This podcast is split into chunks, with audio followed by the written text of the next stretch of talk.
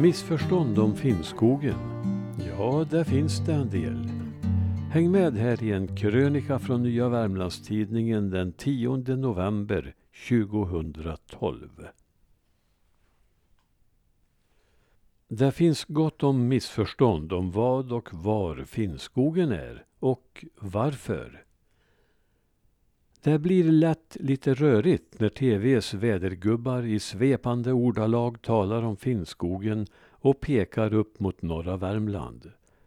Och när inte ens hela norra Finnskoga hör till Finnskogen.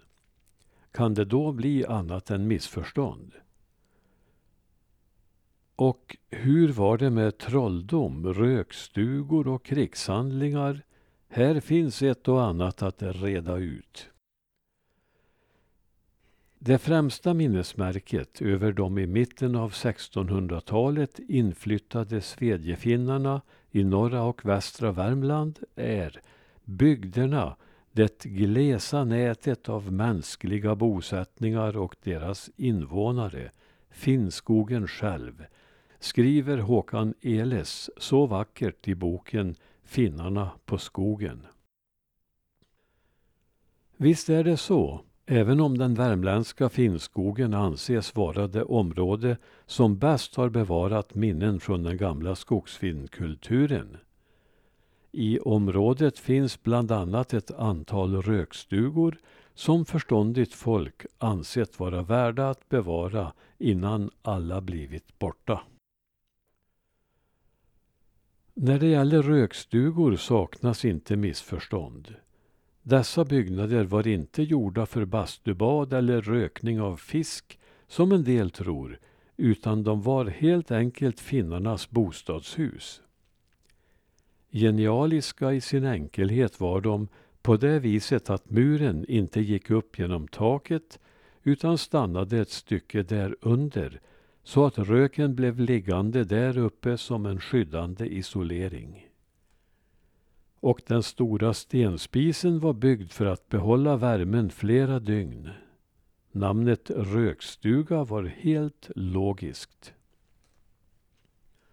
Ett seglivat men felaktigt påstående som till och med trängt in i läroböcker är att finnarna som kom till Värmlands finnskogar först kom som gruvarbetare. De var i själva verket svedjande bönder. Deras svedjemetod innebar att de brände ner mogen granskog och i askan sådde de sin välsignade tuvråg som de hade haft med från Finland och som gav mycket hög avkastning.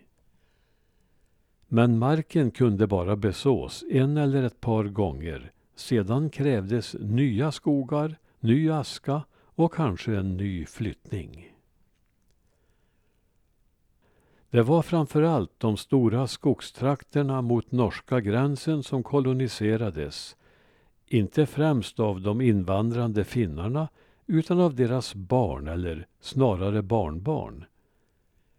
Den första generationen hade utvandrat till stor del därför att de svedjebara skogarna i Finland tagit slut.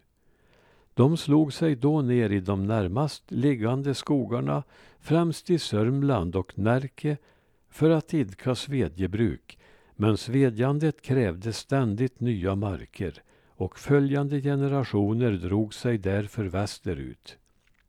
Skogen mellan Klarälven och Västerdalälven var inte lika bred som den västra skogen och därför förekom inte lika många bosättningar där.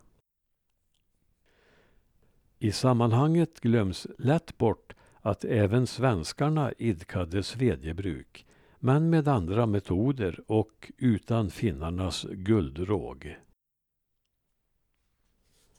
Mycket har också sagts om svedjefinnarnas flytt från sydöstra Finland.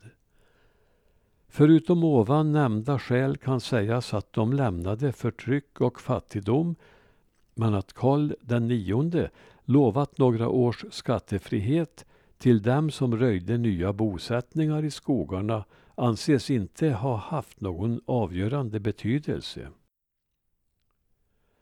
Hur kom det sig då att ett främmande folk utan att bruka vapenmakt kunde ta för sig ett område på över 50 kvadratmil. Saken var den att Finland på 1600-talet var en del av det svenska riket, den östra rikshalvan, så den stora folkomflyttningen skedde alltså inom riket. Konstigare kan det då tyckas vara att så många gick över gränsen och fick slå sig ner i Norge. Men så blev det. Ett Finland i miniatyr skapades runt gränsen mellan norra Värmland och Norge och det gick så långt att den finske studenten Karl Axel Gottlund som besökte området försökte få Finnskogen förklarad som ett finskt län. Men där blev det stopp. Men hans insats medförde att myndigheterna fick upp ögonen för finnarnas långa avstånd till kyrkorna och södra och norra Finnskoga bröts ut ur Dalby 1830 för att bilda egna församlingar. Först 1873 bröts Nyskoga ut ur Norra Ny och fick bilda egen församling. Det finns berättelser om krig på Finnskogen men sådant är överdrifter. De stridigheter och mord som förekom var inte fler än de var inom de respektive folkgrupperna. Resten hör till romanernas värld. Förvånansvärt få trätor avgjordes med kniv eller gevär, även om sådant förekom.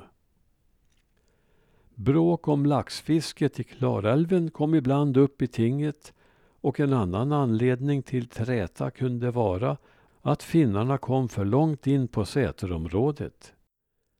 Övriga utskogar var inte särskilt värdefulla vid finnarnas ankomst och hade ännu inte delats upp mellan de enskilda bönderna. Uppgifter om svenskarnas mobbning av finnarna kan stämma till viss del men det finns också uppgifter om att finnarna såg på svenskarna med ett visst förakt. Det kan vara en anledning till svenskarnas tal om finnadel. En del finnar gjorde stora inkomster på den gyllene rågen, men glädjen blev inte beständig. Myndigheterna ansåg att skogarna blev för hårt åtgångna och att de hellre behövdes för järnframställning och till mastvirke. Förbud mot svedjande infördes och blev väl också så småningom åtlytt. Det blev ett hårt slag för svedjefinnarna. De tvingades gå över till odlingsmetoder som deras stenbundna marker inte passade för och svälten och fattigdomen blev återkommande gäster. Självaste drottning Kristina lär ha uttalat sig ”kör bort packet”. Nu var den tidigare kungliga inbjudan glömd. Några drog vidare till Amerika men flertalet föredrog att stanna och uthärda. En egendomlighet är att finnarna lyckades, och tydligen ville, bevara sitt modersmål. Savolaxfinskan levde kvar i de värmländska skogarna i över 300 år. Så viktigt var det sammanhållande språket att en hel by lär ha tömts på sina invånare som föredrog att utvandra till Amerika när barnen skulle tvingas lära sig svenska i skolan. Att det svenska språket inte var populärt bland finnarna förstår man också av att det språk som småningom kom till användning var den norska solördialekten. Som den sista finsktalande har Henrik Olsson från Östmark angetts. Med honom dog savolaxfinskan i Värmland den 14 december 1980. Finnarna hade ett grundmurat rykte om att vara trollkunniga och det är möjligt att de vårdade detta rykte för att sätta sig i respekt hos svenskarna. Man behöver dock inte rota länge i folklivsarkiven för att förstå att vidskepelsen var ungefär lika utbredd hos svenskarna. Och eh, hur var det nu med detta att inte ens hela norra Finnskoga hörde till Finnskogen? Jo, långt innan finnarna kom var Klarälvdalen bebyggd ända upp till Höljes. Så till Finnskogen räknas därför skogsområdet väster och norr därom.